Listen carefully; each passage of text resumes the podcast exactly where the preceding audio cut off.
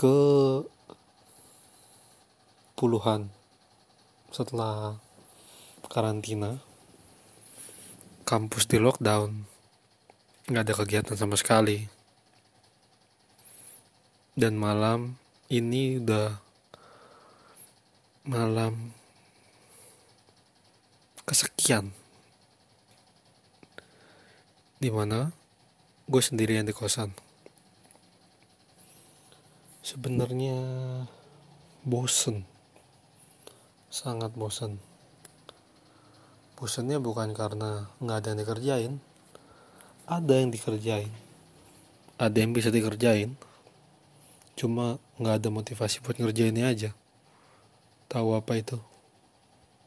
Skripsi. Diulang. Skripsi. S K R I F S I. Ko F S K R I P S I. Skripsi.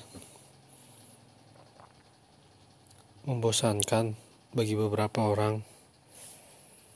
Sebenarnya topiknya nggak susah. Topiknya gampang banget. Cuma entah saking entah menurut gua gampang jadi meremehin. Ngeremehin topiknya ngeremehin isinya ngeremehin prosesnya. Jadi nggak bisa naruh hati di dalam si skripsi itu. Meskipun emang nggak seharusnya naruh hati dalam skripsi. Tapi ya gitu. Tapi kok dipikir-pikir bersyukur lu masih ada yang bisa dikerjain. Harusnya gue bersyukur. Karena di tengah-tengah pandemi kayak gini masih dapat tempat tinggal masih ya ada makanan air listrik internet semua masih lengkap. Padahal dari dulu udah biasa sendiri. Tapi kenapa rasanya tetap beda? Padahal dari dulu seneng-seneng aja kalau sendiri. Tapi kenapa sekarang rasanya beda? Bukan ketenangan, tapi sedih. Sedih karena banyak kekhawatiran yang muter-muter terus di kepala. Dan gak tahu cara menyelesaikannya. Sedih karena bingung. Sedih karena malas. Sedih karena sedih. Nggak tahu sih.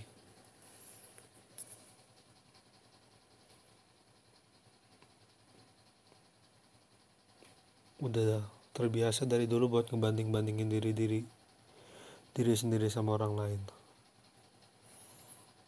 dari kapan ya? Entah. Dari SD kayaknya.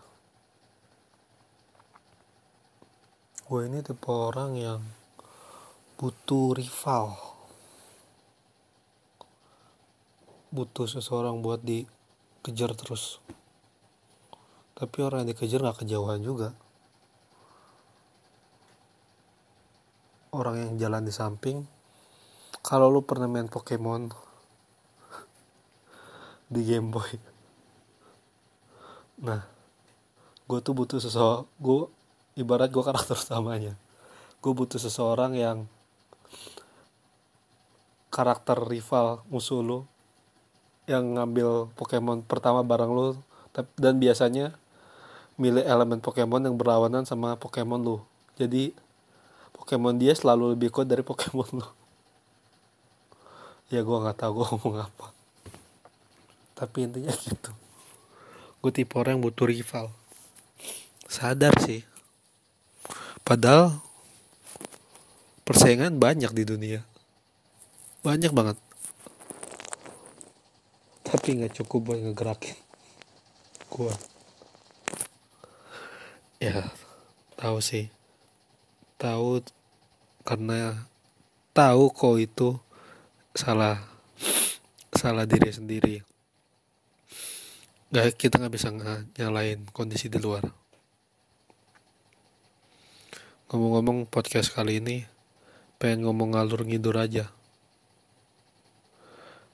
Harusnya bertiga sekarang sendiri. Bukan podcast 345 podcast 45 karena nggak ada angka tiganya karena sendiri dong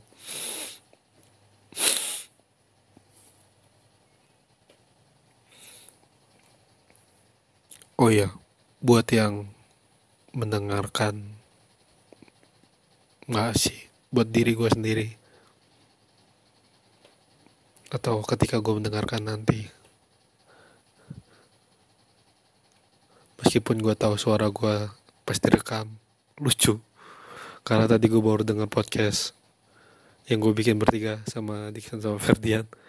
Anjir suara gue kok lucu gue pikir suara gue bakal berwibawa kayak suara Ias Lawrence atau Ias Lawrence dari Magna Talk atau suara ya minimal suara Bang Panji lah yang enak didengar. Ternyata suara gue cempreng terus nggak jelas. Ada beberapa kono uh, penyam pelafalannya tuh kagak jelas jadi kayak orang kumur-kumur. Gue lupa kapan terakhir.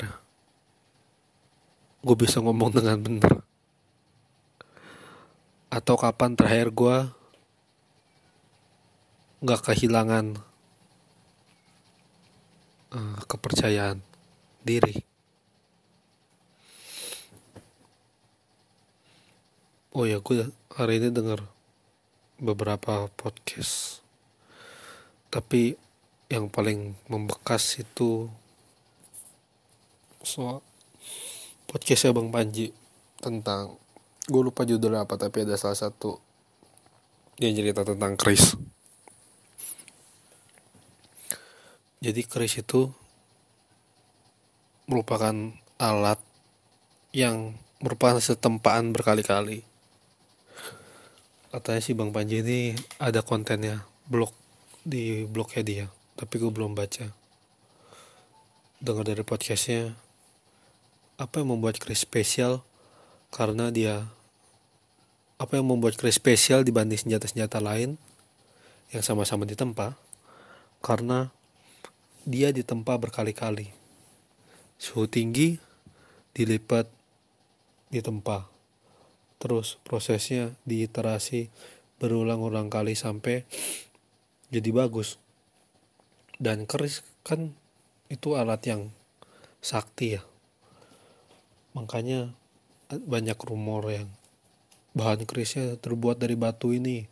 Batu meteor batu vulkanik dan macam-macam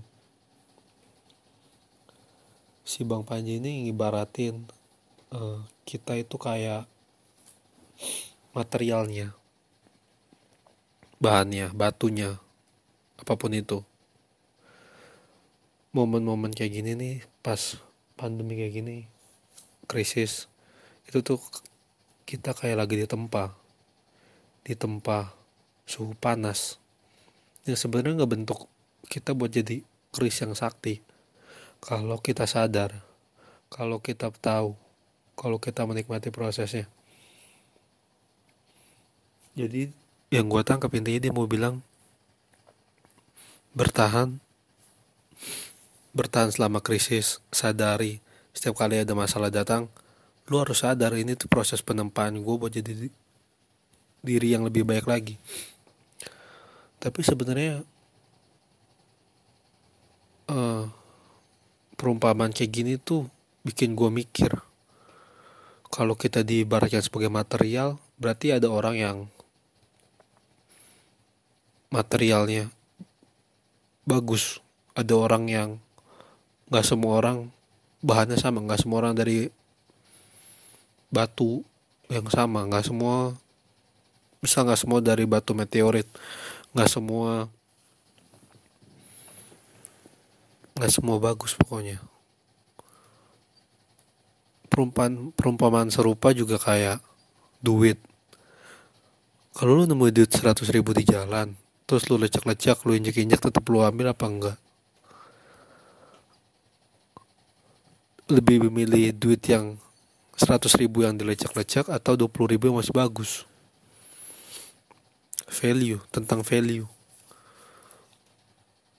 Dua dua perumpamaan itu bikin gue mikir kalau bahan bahan sama nilai kita nggak bagus gimana cara ngupgrade ya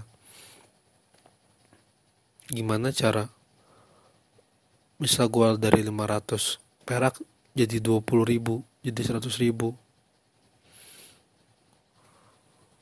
Value itu yang kadang gue banyak caranya sih. Emang gak ada jalan spesifiknya. Cuma kadang itu nggak dikasih tahu di perumpamaannya dan sekarang gue bala baru kepikiran dari dua perumpamaan itu. So, tadinya gue mikir dua perumpamaan itu kayaknya ada yang salah ada ada yang bolong. Ternyata nggak juga. Bener perumpamaan itu perumpamaan yang pas. Kayak kita manusia nggak kita nggak lahir dari kondisi yang sama dan kita nggak bisa milih kita mau jadi lahir di mana lahir jadi apa lahir dalam kondisi apa. Tapi kita tetap bisa bertahan. Ada ada batu ya ada bahan material yang nyerah sama panas dan nggak bisa ditempa. Ya dia gagal jadi keris yang sakti. Make sense. Akhirnya make sense.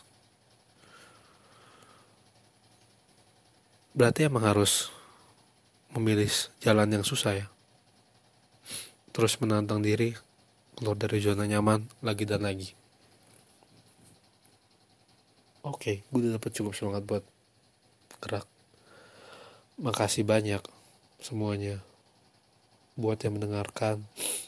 Jaga kesehatan tetap semangat tetap bersyukur. Hidup ini singkat hidup sepenuhnya